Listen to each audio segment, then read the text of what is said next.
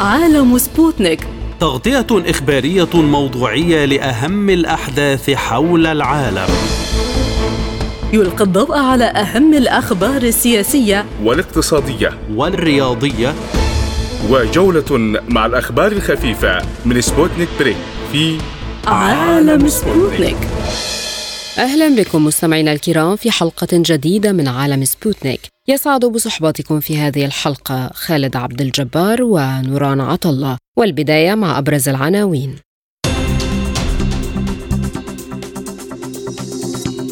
إسرائيل تعلن مقتل ستة جنود جدد في غزة ومجزرة جديدة للجيش الإسرائيلي في الفاخورة. آلاف المتظاهرين في إسرائيل يطالبون الحكومة بوقف الحرب وعقد صفقة تبادل للأسرى مع حماس. المفوض العام للأونروا يقول إنه يجب فرض هدنة إنسانية فورا وإجبار المرضى في الشفاء على المغادرة. ضغط جديد من الأردن بوقف اتفاقية المياه مقابل الطاقة مع إسرائيل وبنت يرد على الصفدي أردوغان يقول سنتقدم مع أكثر من ألفي محام بشكوى إلى الجهات المعنية ضد المجازر الإسرائيلية في غزة. الحرب على غزة تسيطر على مؤتمر المنامة حول قمة الأمن الإقليمي.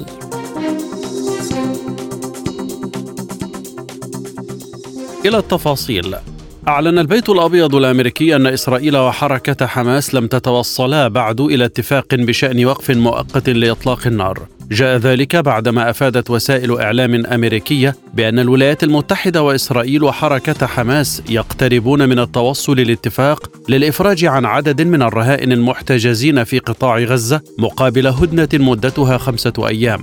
وميدانيا أعلن الجيش الإسرائيلي مقتل ضابط وجندي في معارك شمال غزة. وقال الجيش الإسرائيلي في بيان قتل الرقيب بنيامين مئير أرلي البالغ من العمر 21 عاما مقاتل في الكتيبة 101 لواء المظليين في معركة شمال قطاع غزة.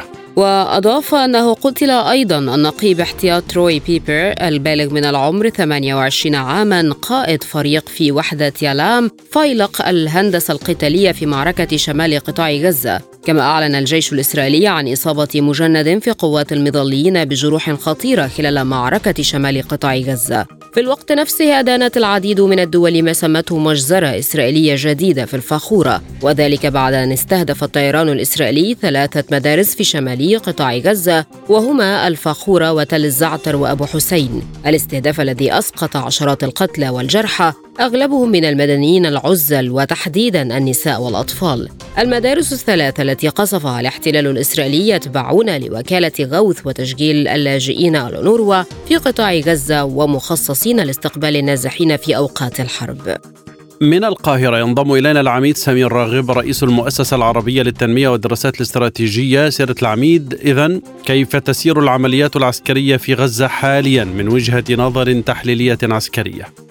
حتى حضرتك يا دكتور خالد هو المرحلة الحالية نجح الجانب الإسرائيلي في السيطرة على غرب القطاع وبمعدل تقدم قد نراه بطيء لكن طبقا لوجهة النظر الأمريكية اللي هي مخططة ومشاركة في التخطيط والإسرائيلية إن هو جاء أسرع مما كان يتوقع وبخسائر أعتقد إنها لو اتكلمنا في 60 قتلى في يعني ثلاث أسابيع حرب برية فهي مرضية جدا للجانب الاسرائيلي وأكثر المتفائلين لم يكن يتخيل. ذلك.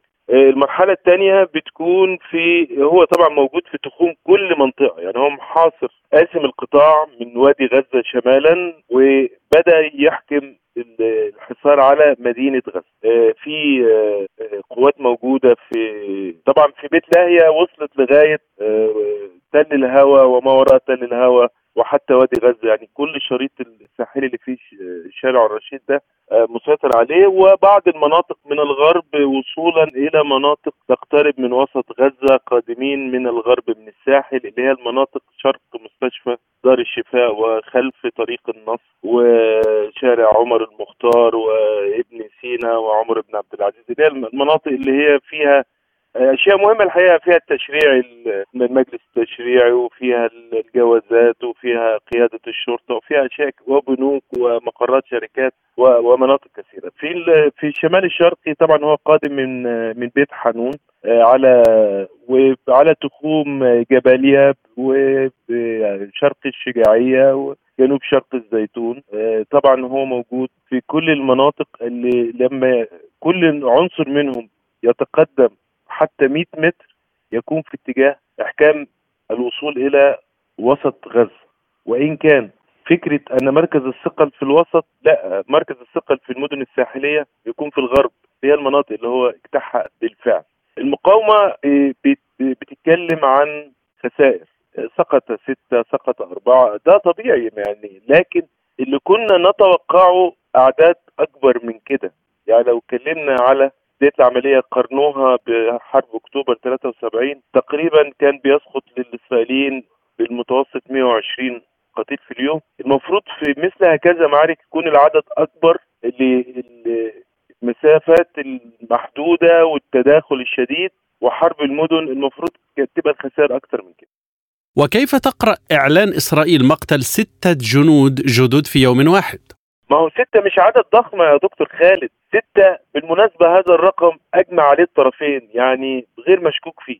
يعني أبو عبيدة تحدث عن ستة والجانب الإسرائيلي تحدث عن ستة. ستة لو افترضنا في خلال شهر وكل يوم يسقط ستة من الجانب الإسرائيلي يعني في خلال شهر يوصل 180 طيب الخسائر الإجمالية اللي بيعلنها الجانب الإسرائيلي في حدود 60 يعني معنى ده إن ستة ده يعتبر عدد كبير بال- بالمناسبة أو بالمقارنة بالمتوسط لو افترضنا أن ستة يقتل يوميا يعني في أيام لا يقتل أحد أو يقتل فرد يقتل فردين.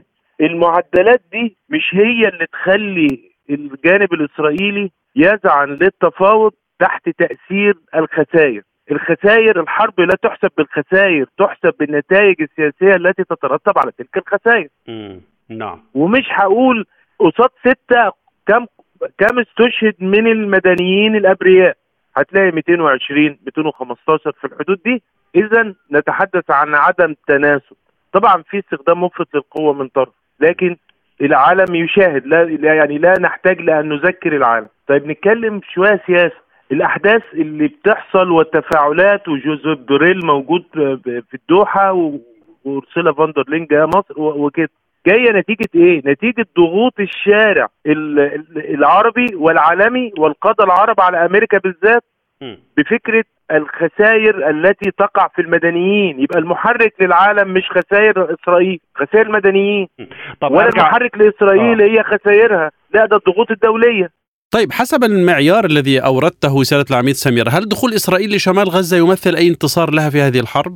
هو أحد المراحل لكن مش انتصار لأن الانتصار مفيش حاجة اسمها انتصار عسكري. فيها يعني نتائج عسكرية تؤدي إلى سياسة. فالغرض العسكري لاسرائيل هو مبني على هدف سياسي هدفين الحقيقة ثلاث أهداف عشان نجمل يعني. القضاء على حماس وهذا لا يمكن حدوثه. تحرير الأسرى بالقوة وهذا لن يح... إيه إيه تعطيل إمكانيات حماس العسكرية ومنع الصراعات المستقبلية كما حدث 7 أكتوبر هذا وارد الحدوث. منع أو تعطيل قدرة حماس على حكم قطاع غزة الآن حماس لا تحكم من يحكم الدبابة. وعليه هل يمكن أن تسعى إسرائيل للتقدم صوب الجنوب بحثا عن الرهائن أو لأي هدف آخر؟ معارك الشمال مستمرة وهيعزز في مناطق من الغرب إلى الشرق ومن الجنوب إلى الشمال ومن الشمال للجنوب. يعني اللي في الشمال هيحاول ينزل جنوب واللي في الجنوب أنا بتكلم على مدينة غزة اللي هي مناطق شمال قطاع غزة.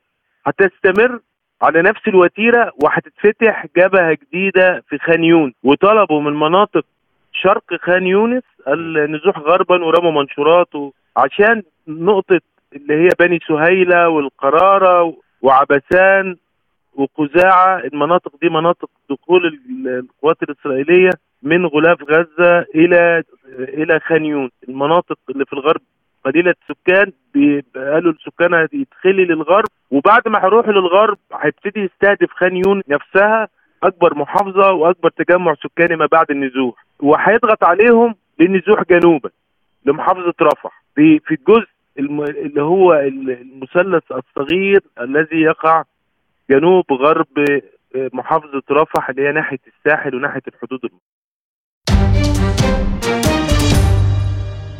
خرجت مظاهرات حاشدة في قلب تل أبيب للمطالبة بوقف إطلاق النار في غزة. نظمتها الجبهة الديمقراطية للسلام والمساواة التي تضم سياسيين عرب ويهود وطالب المتظاهرون بالتوصل إلى اتفاق لتبادل جميع الأسرى فورا. وبدأت التظاهرات بمسيرة لعائلات الأسرى الإسرائيليين المحتجزين لدى المقاومة الفلسطينية في قطاع غزة إلى القدس المحتلة في محاولة للضغط على حكومة بنيامين نتنياهو لإعادتهم. ووصلت المسيرة إلى مدخل القدس الغربية وهي مكونة من آلاف من الإسرائيليين الذين رافقوها منذ انطلاقها من مقر وزارة الدفاع في تل أبيب. قبل أيام ويطالب ذو الأسرى حكومة الحرب التي يقودها نتنياهو بالعمل فورا على إطلاق سراح أبنائهم ورفض أي صفقات جزئية. ووصلت المسيرة إلى القدس الغربية في وقت يواجه فيه نتنياهو اتهامات بالمماطلة في إبرام صفقة تبادل للأسرى مع المقاومة الفلسطينية حيث يقول إن قواته ستواصل حربها على قطاع غزة حتى تحرير هؤلاء الأسرى بالقوة. وتفيد التقديرات الإسرائيلية بوجود 240 أسيرا لدى فصائل المقاومة بغزة. وسبق أن أكد أبو عبيدة الناطق باسم كتائب عز الدين القسام الذراع العسكرية لحركة المقاومة الإسلامية حماس أن الكتائب لديها نحو 200 أسير قتل منهم العشرات في قصف إسرائيلي. والبقية لدى سرايا القدس الجناح العسكري لحركة الجهاد الإسلامي وفصائل أخرى. من الناصرة ينضم إلينا نظير مجلي المتخصص في الشؤون الإسرائيلية أستاذ نظير ما تفعله حكومة الطوارئ يؤكد أن الرهائن ليست أولوية بالنسبة لها فلماذا لا تلتفت حكومة الحرب لهذه التظاهرات؟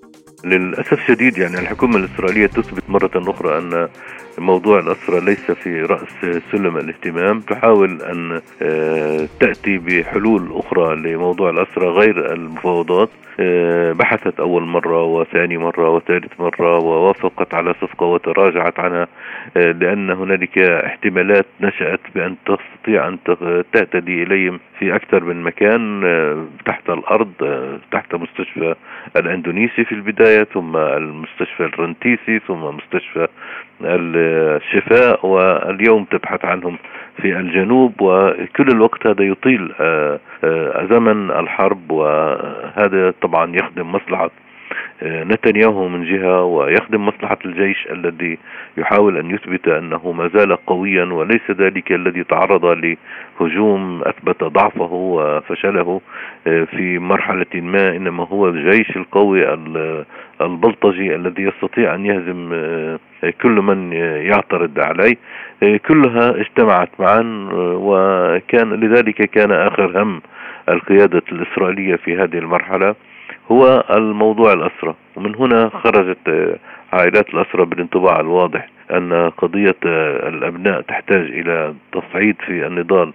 وإلا فإن احتمالات أن يصبحوا مثل رون أراد الطيار الإسرائيلي الذي أسر في في سنوات الثمانين وفقدت آثاره وحتى اليوم لم يعثر عليه ولذلك هم عليهم أن يخرجوا إلى عملية نضال واسعة في الشارع آه، ضد سياسة الحكومة. هل أولوية الغالبية من الشعب في إسرائيل مع الحرب أي تدعم هذه الحرب الدموية؟ غالبية المجتمع الإسرائيلي تدعم الحرب من دون شك لأن الصور التي خرجت عن الهجوم الذي قامت به حماس هي صور مرعبة. فإلى جانب النجاح العسكري الكبير الذي حققته خلايا حماس التي هاجمت إسرائيل. كانت هنالك ممارسات مشينة قام بها بعض آه، أفراد حماس أو المواطنين الذين رافقوهم ف وقتلوا أطفال وقتلوا نساء وقتلوا مسنين وخطفوا وأسروهم فهذه المشاهد مرعبة للمجتمع الإسرائيلي. آه، حتى الآن المجتمع يعني آه، يرغب في الانتقام والثأر. فكل العمليات العسكرية التي يقودها الجيش تحظى بتأييد الجمهور العام. لكن الجمهور بدأت تتسرب إليه أيضا مخاوف وشكوك إزاء الأهداف السياسية لهذه الحرب. فحكومة نتنياهو أو نتنياهو شخصيا واليمين المتطرف الذي معه آه، آه، لديهم مصلحة في إطارة الحرب لأن إطارة الحرب ستطيل عمر حكومتهم. هذه الحكومة اليوم يعني مكروهة في الشارع الإسرائيلي لا يوجد ثقة فيها إلا بنسبة 18 20% استطلاعات الرأي تشير إلى أن هذه الحكومة لو دخلت الانتخابات ستخسر من 64 مقعدا تمتلكها اليوم إلى 45 مقعدا يعني ستخسر آه، آه، أكثر من ثلث قوتها. هذا الأمر يجعلها آه، يعني تدرك أن الشعب ليس معها ولهذا مفضل أن لا تكون هناك انتخابات. والحل هو إطالة الحرب حتى لو كان ذلك منوطا بسقوط عشرات القتلى الإسرائيليين وألوف القتلى الفلسطينيين ولهذا نجد أنها نعم تضعها في سلم منخفض جدا وتجري حسابات حزبية تكتيكية شخصية على أكتاف المواطنين من الجهتين وخصوصا من الجانب الفلسطيني. أستاذ نظير هناك وسائل إعلامية أمريكية تحدثت أمس عن صفقة قريبه مقابل هدنة لخمسة أيام فلما لم تنجح هذه الهدنة برأيك؟ الحكومة الإسرائيلية لا تريد أن تعطي هدنة خمسة أيام أولا من ضمن إطار تأخير الصفقة ثانيا من ضمن آه، محاولاتها لمنع حماس من التنفس ومن استغلال الأيام لإعادة تنظيم قواته في مكان ما أو إعادة التزود بالمواد الاستهلاكية أو غير ذلك يعني هي تحاول إضافة إلى ذلك طبعا هي تحاول أن تدير المفاوضات عن طريق أيضا الضغط الحربي. فهذه الطريقة التي استخدمها الأمريكيون في حرب فيتنام عندما كان كيسنجر يفاوض الفيت كونغ في باريس والقوات الأمريكية تضاعف الضغط على بالضربات الحربية الهدامة والمدمرة في أراضي فيتنام. هذه طريقة مفاوضات. فإسرائيل تتخذها بشكل يعني كامل تقريبا آه، وجنبا إلى جنب مع ذلك يعني تحاول آه، تستفيد هي أيضا من الوقت لعلها تستطيع أن تعثر على أسرى من خلال الأنفاق أو من خلال مخابئ مختلفة. تصلها معلومات هنا ومعلومات هناك وحتى الآن أخفقت في كل هذه المحاولات. ولكنها لا تريد الاعتراف بالإخفاق فتلجأ إلى هذه الطريقة وتؤخر عمليا آه، أي اتفاق على صفقة تبادل الأسرى بحث جون فاينر النائب الرئيسي لمستشار الأمن القومي الأمريكي مع المفوض العام لوكالة الأمم المتحدة لإغاثة وتشغيل اللاجئين الفلسطينيين في الشرق الأدنى الأونروا فيليب لازاريني الوضع الإنساني في قطاع غزة. وطلب فيليب لازاريني بوقف هذه الحرب فورا وحذر من أن المنظمة الدولية تواجه خطر تعليق عملياتها الإنسانية في غزة وذلك بسبب نقص الوقود حيث لن يمكن للوكالة إيصال المساعدات التي تصل من مصر إلى المحتاجين الفلسطينيين مشيرا إلى أن هناك محاولات لخنق جهود الوكالة للقيام بالتزاماتها تجاه الشعب الفلسطيني. وأعرب المدير العام لوكالة الأمم المتحدة لإغاثة وتشغيل اللاجئين الفلسطينيين عن قلقه إزاء موافقة إسرائيل على نصف الحد الأدنى اليومي من متطلبات الوقود للعمليات الإنسانية في غزة مشيرا إلى أنها لا تكفي لتلبية الاحتياجات الأساسية. على صعيد متصل أفاد مصدر طبي فلسطيني بإخلاء مستشفى الشفاء في غزة من معظم الأطباء والمرضى والنازحين وذلك بعد مهلة أعطاها الجيش الإسرائيلي لمدة ساعة لإخلاء الموقع. وبقي في المستشفى عشرات المرضى بالإضافة إلى الأطفال الخدج المتواجدين في الحضانات وأشار المصدر إلى أن مئات المرضى تم إجلاؤهم بالفعل سيرا على الأقدام. وكذلك عشرات الأطباء غادروا المستشفى فضلا عن النازحين هناك. من نابلس ينضم إلينا عبد الجليل حنجل المسؤول بالهلال الأحمر الفلسطيني، أستاذ عبد الجليل كيف أصبح الوضع الإنساني اذا مع استمرار إعاقة تدفق المساعدات؟ لو تطلعنا بشكل أكثر تفصيلا؟ آه، ما زالت الأمور صعبة جدا على آه، الواقع الطبي في قطاع غزة في مختلف المستويات سواء كانت خدمات الإسعاف أو المستشفيات أو المراكز الطبية أو خدمات النازحين. آه، كلها تعاني من صعوبات بالغة بالغة بسبب استمرار التضييق على المساعدات الطبية والمساعدات الإنسانية التي تدخل إلى قطاع غزة. فبالتالي نحن نتحدث عن آه، توقف ل 26 مستشفى عن الخدمة وباقي المستشفيات هي ما زالت آه، تعمل بصورة جزئية وهي متفرقة في قطاع غزة. خدمات الإسعاف أيضا هناك عدد كبير من سيارات الإسعاف خرجت من الخدمة بسبب بسبب بسبب عدم وجود وقود أو بسبب الاستهداف بشكل مباشر أو غير مباشر. هذا ما يحدث. على النازحين اليوم هناك اختلافات كبيرة في الحالة الجوية تصعب على النازحين الأمور أكثر حيث أن هناك أمطار والأحوال الجوية أخذت تأخذ البرودة أكثر مع انقطاع كامل للمساعدات. والمساعدات التي تدخل هي قليلة جدا بالمقارنة ولا يمكن نقلها لعدم وجود وقود أو كمية الوقود التي تملكها الشاحنات هي قليلة جدا بالمقارنة فلا يستطيعون إرسالها إلى مناطق في الشمال والوسط مثلا هي مقطوع عنها المساعدات منذ أسابيع. ماذا عن الوضع في مستشفى الشفاء؟ نعم قبل قليل استطاعت طواقمنا سيارات الهلال الأحمر الفلسطيني من إجلاء 31 طفلا خدجا من آه، مجمع الشفاء الطبي وذلك بقافلة مع آه، مع حماية أممية آه، مرافقة أممية لها وتم نقلهم إلى منطقة الجنوب وصلوا قبل قليل إلى خان يونس وتستمر القافلة باتجاه رفح. لماذا لم يعد صوت المنظمات الأممية والدولية مجديا لهذا الحد أستاذ حنجل؟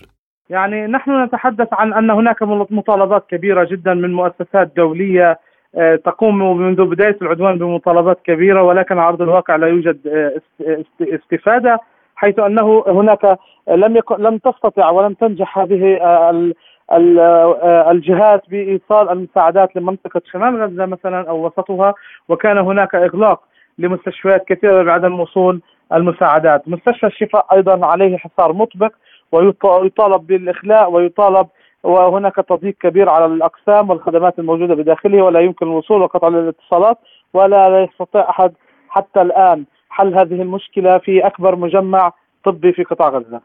مستشفيات الجنوب هل تعمل بشكل ولو بشكل جزئي؟ هناك عدد من المستشفيات تعمل نعم بشكل جزئي هي آه، لدينا مستشفى الأمل يعمل بصورة جزئيه منقطع عنه الكهرباء منذ فترة لا يوجد وقود لتشغيل المولدات ولكن يعمل بطرق بدائية لإنقاذ ما يمكن إنقاذه من المصابين والمرضى الذين هم بداخله.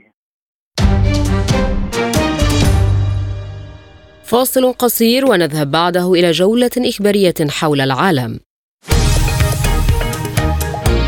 عالم سبوتنيك يغطي جميع الأحداث السياسية والاقتصادية والرياضية حول العالم.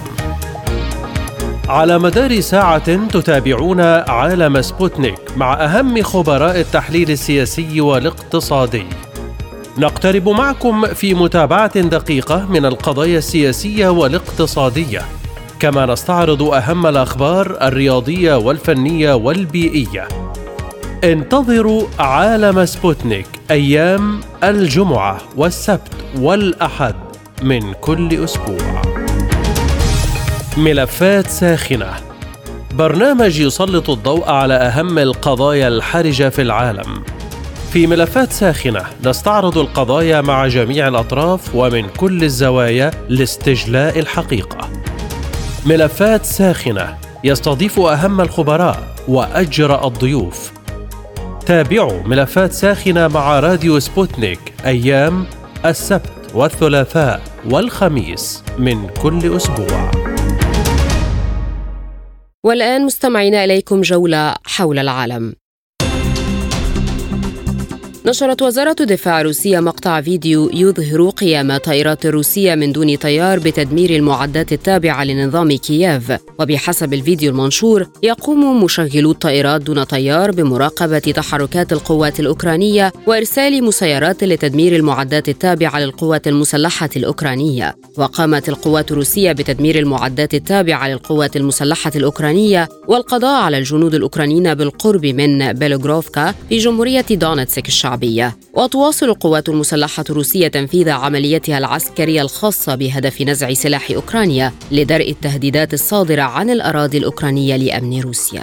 قال عمدة موسكو سيرجي سوبيانين إن قوات الدفاع الجوي في منطقة بوغورودسكي الحضرية في موسكو أحبطت هجوما بطائرة مسيرة على العاصمة. وأكد سوبيانين على قناته بتطبيق تليجرام أنه لم تكن هناك أضرار أولية أو إصابات نتيجة سقوط الحطام. وبحسب عمدة موسكو فإن خدمات الطوارئ متواجدة في مكان الحادث. بدورها ذكرت وزارة الدفاع الروسية أن نظام كييف حاول تنفيذ هجوم إرهابي باستخدام طائرة مسيرة على موسكو وقالت في بيان إنها أحبطت محاولة من قبل نظام كييف لتنفيذ هجوم إرهابي باستخدام طائرة مسيرة على أهداف في أراضي روسيا الاتحادية. وأضافت تم تدمير المسيرة الأوكرانية من قبل أنظمة الدفاع الجوي المناوبة فوق الإقليم. أعلن رئيس الوزراء المجري فيكتور أوربان خلال مؤتمر حزبه فيدس أن أوكرانيا بعيدة للغاية عن الانضمام إلى الاتحاد الأوروبي. وقال أوربن أن المهمة ستكون تصحيح الوعد الخاطئ ببدء المفاوضات مع أوكرانيا بشأن الانضمام إلى الاتحاد الأوروبي لأنها تبعد سنوات ضوئية عن هذه المنظمة. وشدد أوربن أيضا على أن منع أوكرانيا من الانضمام إلى الاتحاد الأوروبي سيكون أحد أهم أولويات حكومته في الأشهر المقبلة.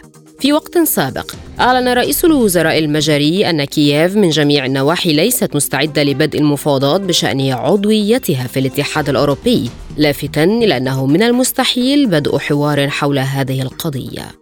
دوت انفجارات ضخمة في أكبر القواعد الأمريكية في سوريا ضمن حقول ومعمل كونيكو للغاز الطبيعي بريف دير الزور وقاعدة التنف بريف حمص الشرقي نتيجة هجمات عبر المسيرات والصواريخ. ودمرت الصواريخ والطائرات المسيرة عددا من المعدات والآليات العسكرية عند مدخل القاعدة حيث اشتعلت النيران في رادار محمول على آلية عسكرية من نوع هامر في حين حلقت الطائرات الأمريكية فور حدوث الانفجارات بشكل مكثف في أجواء المنطقة. ويعد هذا الهجوم على القاعدة الأمريكية في كونيكو الثانية من نوعه هذا اليوم.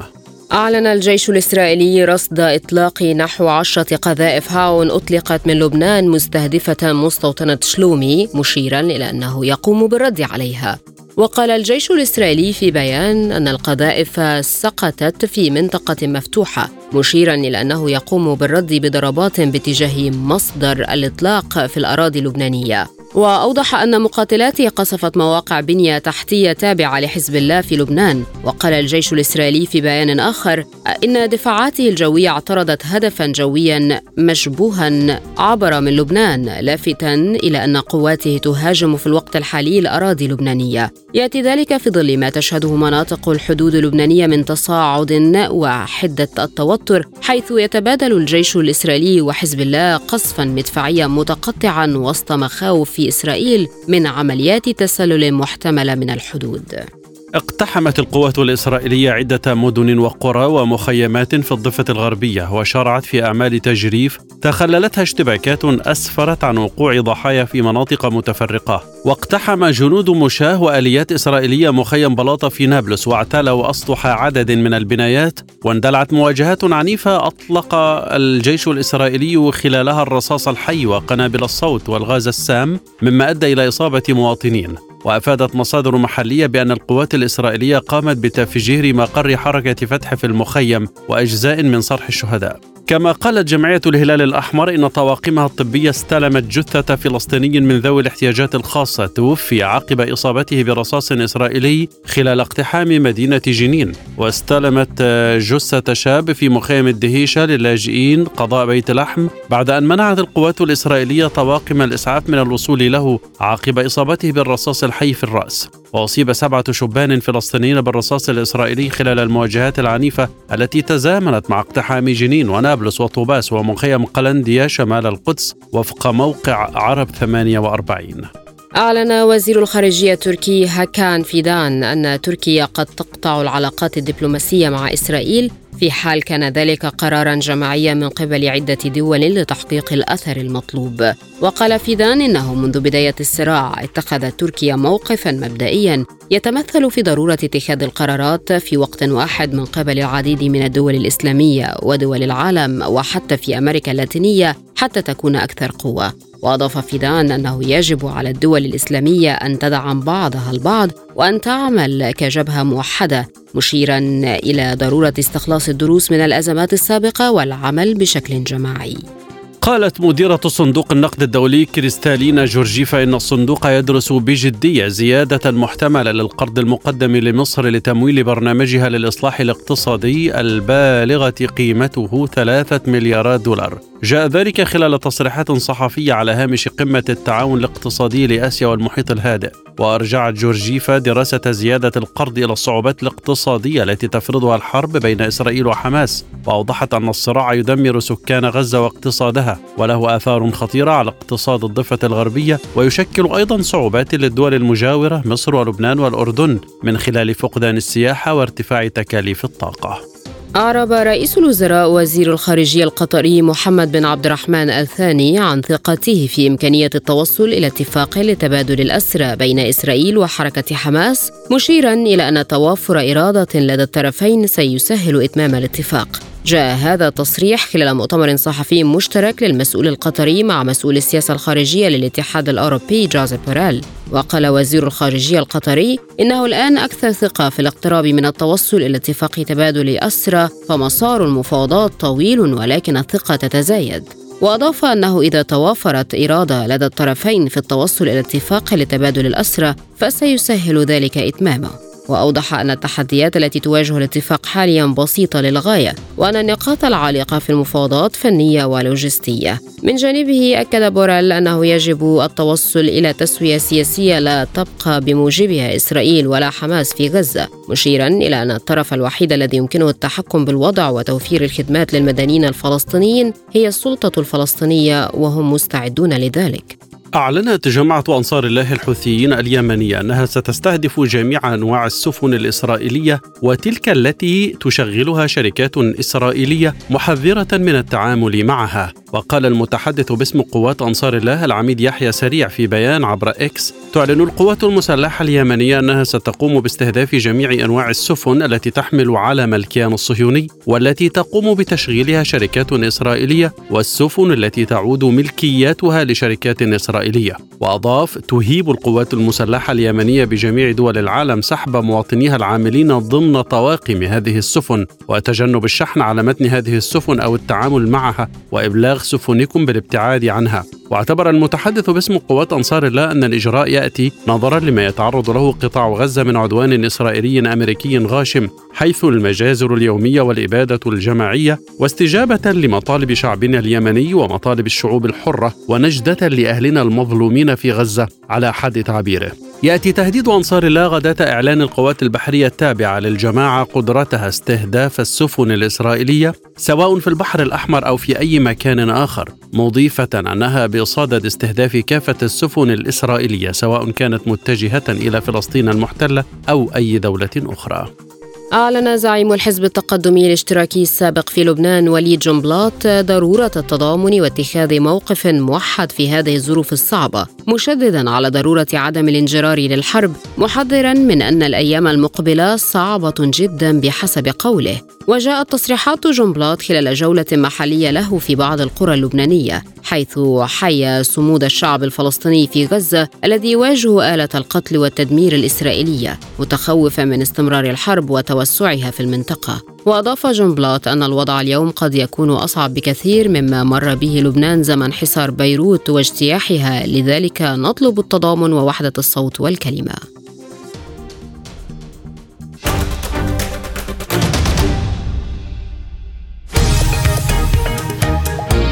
عالم سبوتنيك يغطي جميع الأحداث السياسية والاقتصادية والرياضية حول العالم على مدار ساعة تتابعون عالم سبوتنيك مع أهم خبراء التحليل السياسي والاقتصادي. نقترب معكم في متابعة دقيقة من القضايا السياسية والاقتصادية، كما نستعرض أهم الأخبار الرياضية والفنية والبيئية. انتظروا عالم سبوتنيك أيام الجمعة والسبت والأحد من كل أسبوع. مساحة حرة برنامج يسلط الضوء على أهم القضايا الاجتماعية والاقتصادية حول العالم.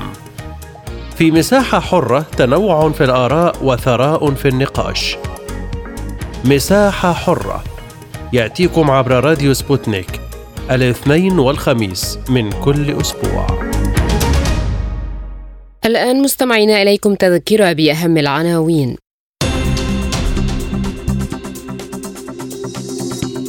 إسرائيل تعلن مقتل ستة جنود جدد في غزة ومجزرة جديدة للجيش الإسرائيلي في الفاخورة. آلاف المتظاهرين في إسرائيل يطالبون الحكومة بوقف الحرب وعقد صفقة تبادل للأسرى مع حماس. المفوض العام للأنوروا يقول إنه يجب فرض هدنة إنسانية فورا وإجبار المرضى في الشفاء على المغادرة.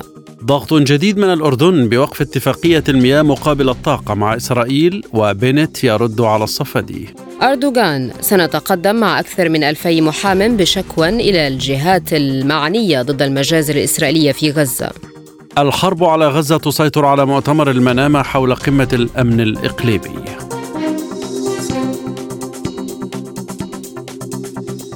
مع استمرار العدوان الإسرائيلي على قطاع غزة ورفض الانصياع إلى الضغوط العربية والدولية لوقفها بدأ الأردن في تصعيد موقفه من الأحداث. وقال وزير الخارجية الأردني أيمن الصفدي إن الأردن لن يستطيع مواصلة اتفاقية الطاقة مقابل المياه مؤكدا على أن إسرائيل قتلت بيئة السلام وهي تدفع المنطقة كلها نحو حرب واسعة.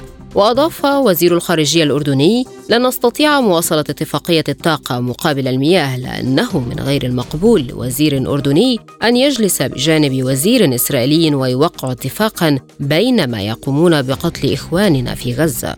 وأضاف الصفدي في حديثه عن المطالبات الشعبية والنيابية لإلغاء اتفاقية السلام مع إسرائيل أن الأردن لن يتردد لحظة واحدة في اتخاذ أي قرار لازم وضروري لمساعدة الشعب الفلسطيني مؤكدا أن هذه الاتفاقية الآن لن تكون إلا وثيقة ورقية. يغطيها الغبار على أحد الرفوف. وردا على هذه الخطوة قال رئيس الوزراء الإسرائيلي السابق نفتالي بنت إنه لدى إسرائيل مصادر طاقة كافية لتوليد الكهرباء بينما الأردن لا يملك ما يكفي من المياه لشعبه. وتابع قائلا لهذا السبب بادرت إسرائيل كجيران طيبين إلى تحلية مياه البحر والدفع بالمياه المحلاه إلى نهر الأردن ليتمكن الأردن من ضخ المزيد من المياه وتزويد سكانه بالماء. إذا كان القادة الأردن يريدون أن يعطش شعب الأردن فهذا حقهم.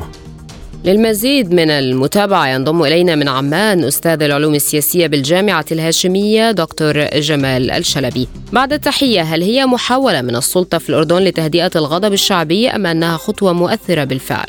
أنا أعتقد أنها استراتيجية تامة وكاملة ومتكاملة من أجل مواجهة الصلف والتكبر والعجرفة الإسرائيلية سواء فيما يتعلق بالحرب في غزة أو فيما يتعلق بالعلاقات الأردنية الإسرائيلية التي ساءت منذ وصول حكومة نتنياهو السادسة في أربع سنوات. وأعتقد أن الأردن حاول أن يثبت بأن استراتيجية السلام هي الأساس آه، عبر توقيع اتفاقية وادي عربة عام 1994 ولكن يبدو أن الحكومة الإسرائيلية المتشددة والأكثر تطرفا في تاريخ هذه الدولة تحاول باستمرار الضغط على الأردن وتحقيق ما يسمى الوطن البديل أي حل القضية الفلسطينية على حساب الأردن.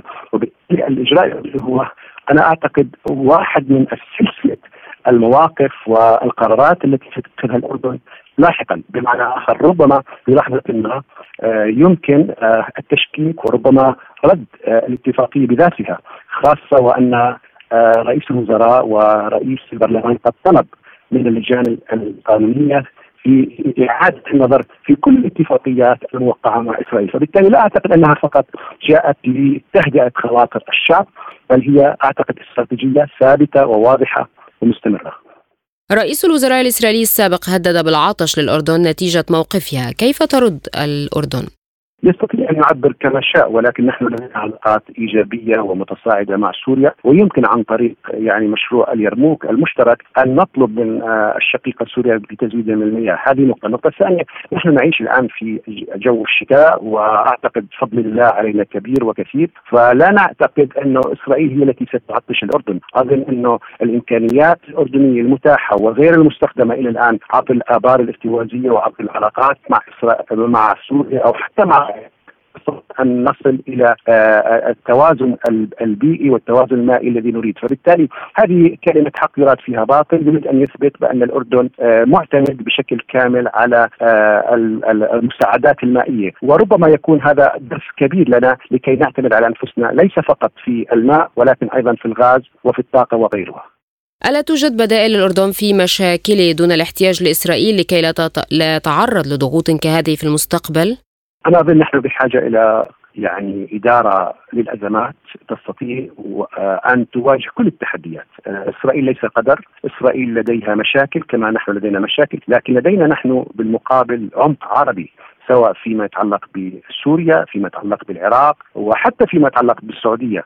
وبالتالي نستطيع أن نجير كل هذه العلاقات نستطيع أن نطلب حتى من تركيا عبر سوريا مياه إذا شاءت الأقدار أن نجد أنفسنا في في في في مشكلة ما. فبالتالي لا يجوز ولا أعتقد أنه أحد يعتقد بأن الأردن سيركع أو سيقوم بالقبول بهذه التهديدات ولكن بالمقابل في ظل هذه الأوضاع الصعبة نستطيع أن نفهم ونتفهم ردود الفعل غير غير المنطقية وغير العقلانية والعاطفية من جانب إسرائيل ورئيس الوزراء السابق أو الأسبق. إضافة إلى ذلك نحن لدينا اتفاقية أمنية اتفاقية تحالف كبير مع الولايات المتحدة الأمريكية. فلا أعتقد أن أمريكا ستسمح لهذه الحكومة الفاشيه الفاشية الجديدة أن تقوم بما بما تعد وبما تحدد. هل يمكن أن نجد تصعيدا آخر بين عمان وتل أبيب؟ بالتأكيد أنا أظن إنه المشاعر والقرارات الأردنية متشابهة ومتماهية بين صاحب القرار السياسي والشعب الأردني الذي يستشعر الخطر سواء على مستوى عملية التهجير سواء ما يحدث الآن من عملية جينوسيد وعملية قتل منظم للشعب الفلسطيني أشلاء ونساء في في في الكنائس وفي المساجد وفي المستشفيات وفي المدارس. وبالتالي الأردن يستشعر هذا الخطر ويستشعر هذا العدو الصهيوني الذي كان ذات يوم ربما جار ويمكن التعايش معه. أعتقد هناك في ردة حقيقية من جانب الرأي العام الأردني وربما العربي بالتأكيد وربما حتى أحرار العالم تجاه تجاه السلوكيات غير الإنسانية والنازية الجديدة بالنسبة لهم. فبلا شك أنه أعتقد التلاقي بين صاحب القرار السياسي والقاعدة الشعبية موجودة وحاصلة وبقوة. فبالتالي هذا يؤشر أن صاحب القرار السياسي سيذهب أبعد من ذلك في لحظة ما إذا ما استمرت إسرائيل في ممارسة سياستها القمعية تجاه الشعب الفلسطيني وفي ممارستها في التهديد للدولة الأردنية وللشعب الأردني. أعلن الرئيس التركي رجب طيب أردوغان أن تركيا ستبذل جهودا لإعادة بناء البنية التحتية المدمرة والمستشفيات والمدارس في قطاع غزة. إذا تم التوصل لوقف إطلاق نار في القطاع وقال أردوغان في كلمة له خلال فعالية للاتحاد الوطني لطلبة تركيا إن بلاده ستتقدم مع أكثر من ألف محام بشكوى إلى الجهات المعنية ضد المجازر الإسرائيلية في غزة حسب وكالة الأناضول التركية. وأضاف قائلا إنه رأى خلال زيارته لألمانيا أن العالم الغربي بأكمله والكيان الإمبريالي الصليبي متحدان في خندق واحد. وأضاف أردوغان أنه لدى إسرائيل نحو عشرة آلاف من السجناء الفلسطينيين فلتعمل ألمانيا على إطلاق سراحهم وتركيا بدورها ستعمل من أجل ضمان الإفراج عن المحتجزين لدى حماس. كانت حركة حماس قد أعلنت منذ بداية عملية طوفان الأقصى أنها تهدف إلى إفراغ السجون الإسرائيلية من أسراها مقابل مقابل الرهائن المحتجزين لديها من اسطنبول ينضم إلينا المحلل السياسي أستاذ جواد كوك بعد التحية، هل وجود تركيا في مثل هذه القضايا يمكن أن يكون أكثر تاثيرا من القضايا التي يحركها محامون فقط؟ طبعا بالنتيجة إذا الحكومة التركية تتحرك في هذا الموضوع هذا سوف يؤثر أكثر من مثلا المؤسسات المدنية التي قادرين أن تقوم يقومون بمثل هذه المبادرات لكن آه طبعا هناك توقعات من الحكومة التركية أن تتحرك عمليا أكثر أن هناك علاقات تجارية قوية بين تركيا وإسرائيل. لماذا لا يقطعون هذه العلاقات أو أقل الأمر أن يقللون؟ هناك ادعاءات من الجهات المختلفة في تركيا أن مثلا آه، النفط من آذربيجان يأتي عبر الأنابيب من تركيا إلى إسرائيل. آه، هل قادرين أن يقطعون هذا النفط أو أقل الأمر أن يأتون بالتصريحات بمثل هذا الموضوع؟ دائما يهربون لكن بالنتيجة مثل هذه التحركات آه، يعني أحسن من أن لا يكون شيئا. ولربما تأثير نفسي إلى حكومة إسرائيل بشكل سلبي لكن هناك توقعات أن يكون التحرك أكثر طبعا نعم كيف تؤثر مثل هذه القضايا على الأحداث وخاصة أن إسرائيل لا تهتم؟ طبعا بالنتيجة هناك دعوات وهناك كانت مؤتمرات واجتماعات قوية بين البلاد العربية والإسلامية لكن لم يؤثر أبدا هناك أهداف معينة لإسرائيل آه، وهم يريدون أن يصلوا إليها كامل السيطرة على غزة وتهجير الفلسطينيين من هناك. آه، بالنتيجة في هذه الحالة في هذه الأيام خاصة الحكومة الإسرائيلية لا تتأثر بمثل هذه المبادرات خاصة مثل هذه المبادرات سوف تأخذون نتائج إذا كانت نتائج ملموسة في المدى البعيد جدا أن ترفعون دعوى قضائية في المحاكم الدولية وغير ذلك.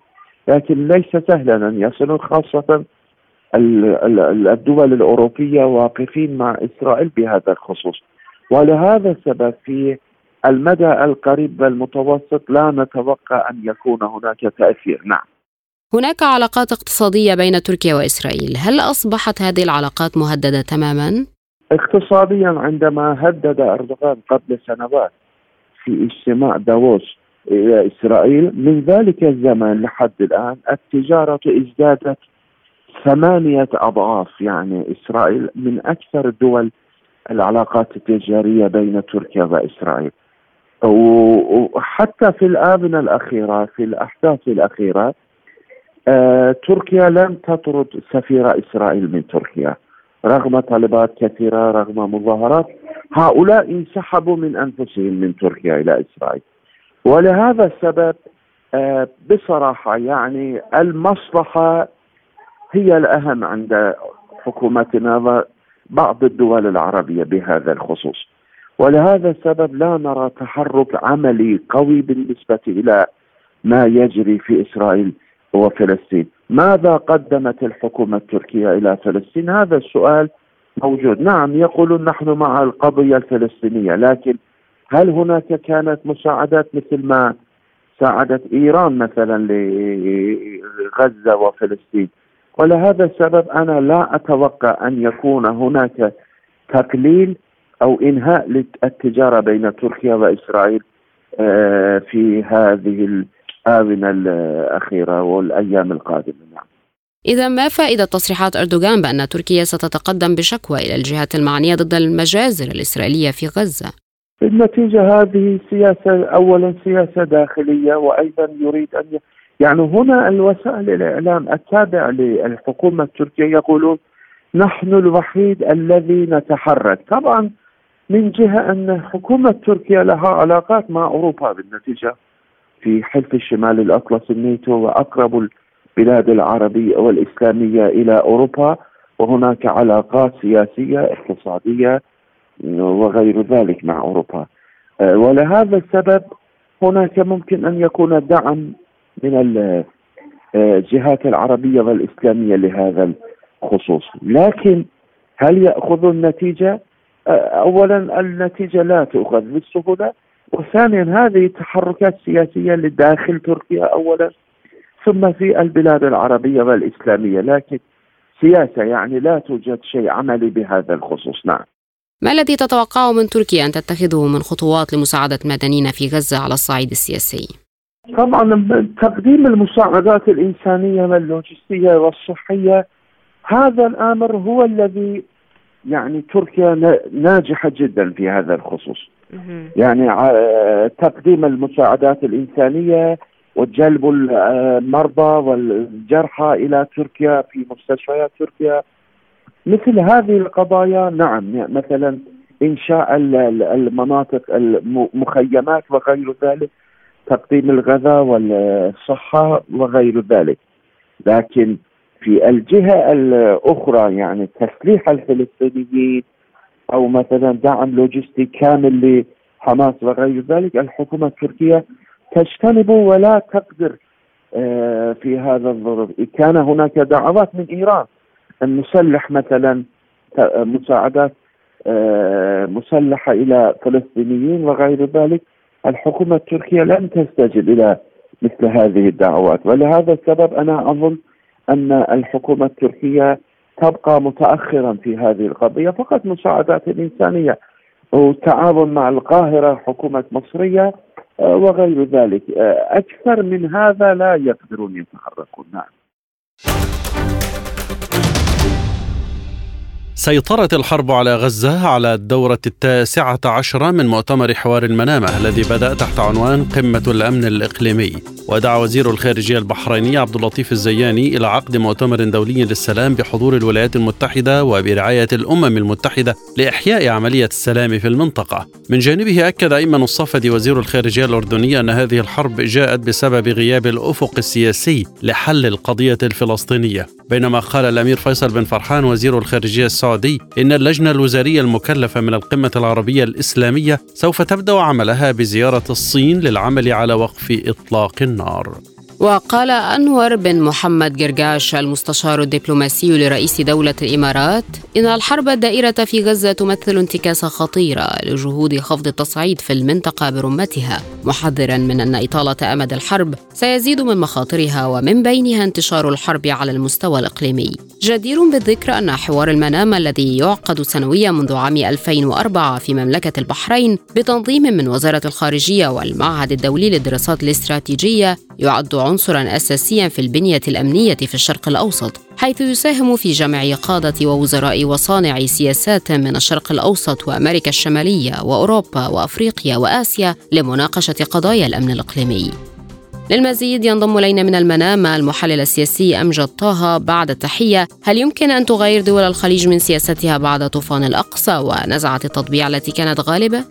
أعتقد دول الخليج العربي وخاصة دول الاتفاق الإبراهيمي ومنها مملكة البحرين وكذلك الإمارات العربية المتحدة المغرب والسودان مستمران الجميع مستمر في في إن نحتاج إلى وجود علاقات ما بيننا وبين دولة إسرائيل والسبب في ذلك إن الدول التي لا يوجد لديها أي علاقات مع دولة إسرائيل على كل المستويات بما فيها المستويات الدبلوماسية لا تستطيع الضغط على على على دولة إسرائيل آه، آه، على سبيل المثال أن تفتح المجال آه، للمعونات الإنسانية أو الهيومانيتيريان كوريدور للمتضررين من الحرب في غزة. والدليل على ذلك نجحت دولة الإمارات العربية المتحدة اليوم بالضغط على الأطراف المتصارعة وبالتالي إنقاذ أكثر اليوم هنالك مشروع إنقاذ أكثر من ألف طفل يتواجد في غزة ومدى مداواتهم في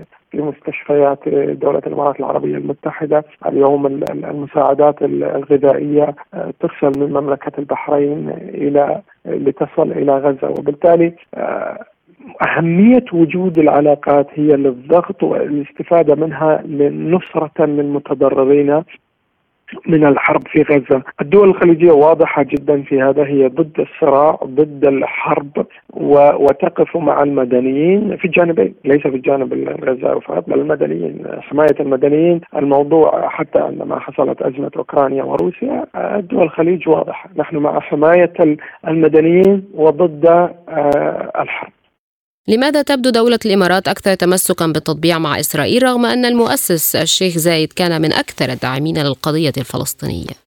وكذلك هي الإمارات إلى يومنا هذا أكثر الدول الداعمة لأبناء فلسطين وهي من تبني وبنت المدارس والمساجد والمستشفيات. هنالك أكثر من من من من 7 مليار دولار هي نسبة المساعدات في السنوات الأخيرة التي وصلت إلى إلى أهل فلسطين. وهنالك مساعدات كثيرة وعديدة وبناء المستشفيات مستشفى العيون اللي موجود في في في غزة ومستشفيات كثيرة وعديدة والمدارس مدرسة خليفة وحي الشيخ زايد كذلك في غزة. كل هذه اليوم وهذه المدارس اليوم والمساعدات التي أرسلتها الإمارات العربية المتحدة منها 50 مليون في الفترة الأخيرة إلى ما بين 20 مليون إلى 50 مليون للأنوروا والأنوروا هي من من من يلجأ لها آه، الكثير من أبناء غزة. وبالتالي الإمارات تساعد بشكل مباشر آه، في في إنقاذ أبناء أبناء غزة وأبناء فلسطين ودعمهم ودعمة إعادة إعادة إعادة بناء المناطق التي تضررت في جنين في الفترة الأخيرة. فإذا يد, يد الإمارات دائما ممتدة لأهل فلسطين ودعمهم. أما الشعارات فهي تبتعد عن الحنجريات والشعارات الفضفاضة والغوغائيه اللي موجودة في المنطقة. ولكن تركز على كل ما تركز عليه إنقاذ أبناء فلسطين إنقاذ والوقوف مع أهل غزة. آه، بشكل مستمر.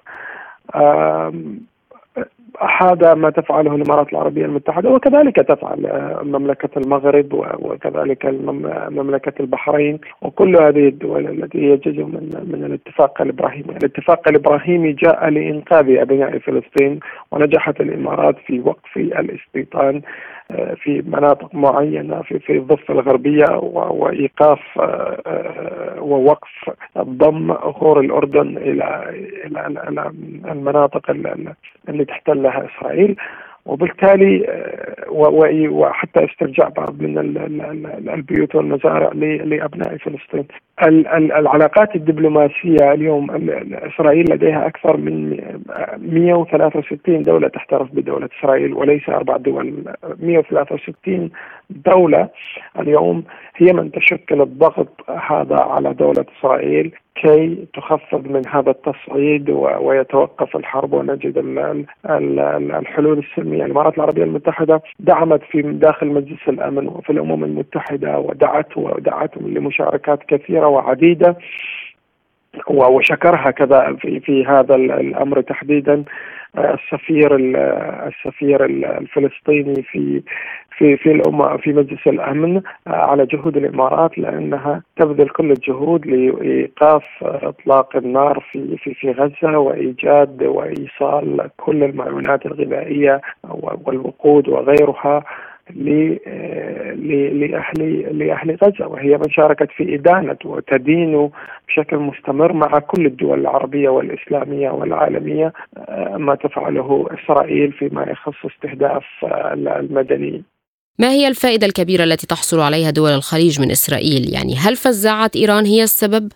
آه، ليس الموضوع ليس إيران أو تركيا أو إسرائيل، الموضوع أن المسار الخليجي واضح جدا، المسار الخليجي يذهب إلى إيجاد الحلول الدبلوماسية السلمية الاقتصادية لكل الأزمات العسكرية والأمنية في المنطقة، يبتعد تماما تماما عن الحرب، وذات الأمر مع إيران، نعلم جيدا أن إيران تحتل مناطق عربية كثيرة وعديدة وتتدخل في الشؤون العربية، لكن رغم هذا هنالك وجدنا آه، عودة العلاقات مع إيران ومحاولة إيجاد علاقات طبيعية مع إيران. كذلك فعلت المملكة العربية السعودية بوساطة الصين والذهاب إلى الحلول الممكنة والحلول السلمية الدبلوماسية آه، لمثل هذه الصراعات تركيا كذلك تتدخل في الشؤون العربية في محتل المناطق في في في في شمال سوريا وتتدخل في الشؤون العراقية وغيرها ولكن رغم هذا تذهب المنطقة وتذهب وتجد المناطق المنطقة في الخليج تحديدا محاولة إيجاد الحلول السلمية لا نريد الحرب ولا نريد الاستمرار في الصراعات نحاول إيجاد الحلول. والأمر هو كذلك مع مع إسرائيل تريد الدول الخليجية ان أن تكون في الطاولة آه، طاولة المفاوضات داعمة لأهل فلسطين كي لا يكونوا وحدهم في هذه الطاولة وأن يضغطوا آه، وأن تضغط الدول بكل المشتركات وبكل القوة الاقتصادية اللي موجودة عندها والقوة السياسية اللي موجودة عندها والقوة الدبلوماسية على الطرف الإسرائيلي كي آه، في نهاية المطاف نحصل على الحقوق وكرامة أبناء فلسطين. هناك من قال إن إسرائيل لم تتمكن من حماية نفسها فكيف تساعد في أمن الخليج؟ لم يطلب من من إسرائيل أو من أي دولة أخرى آه، آه، حماية الخليج أو حماية أي منطقة أخرى كل الدول لديها سيادتها ولديها جيوشها وهي قادرة على حماية نفسها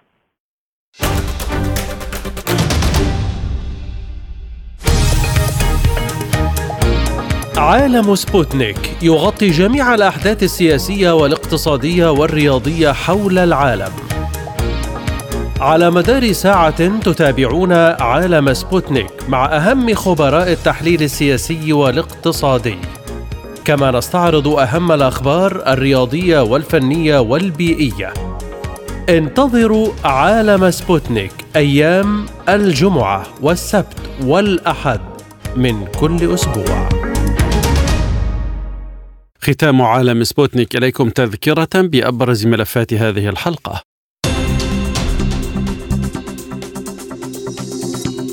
إسرائيل تعلن مقتل ستة جنود جدد في غزة ومجزرة جديدة للجيش الإسرائيلي في الفاخورة. آلاف المتظاهرين في إسرائيل يطالبون الحكومة بوقف الحرب وعقد صفقة تبادل للأسرى مع حماس. المفوض العام للأنوروا يقول إنه يجب فرض هدنة إنسانية فورا وإجبار المرضى في الشفاء على المغادرة. ضغط جديد من الأردن بوقف اتفاقية المياه مقابل الطاقة مع إسرائيل وبنت يرد على الصفدي. أردوغان سنتقدم مع أكثر من ألفي محام بشكوى إلى الجهات المعنية ضد المجازر الإسرائيلية في غزة. الحرب على غزة تسيطر على مؤتمر المنامة حول قمة الأمن الإقليمي. للمزيد زوروا موقعنا على الإنترنت سبوتنيك إلى اللقاء.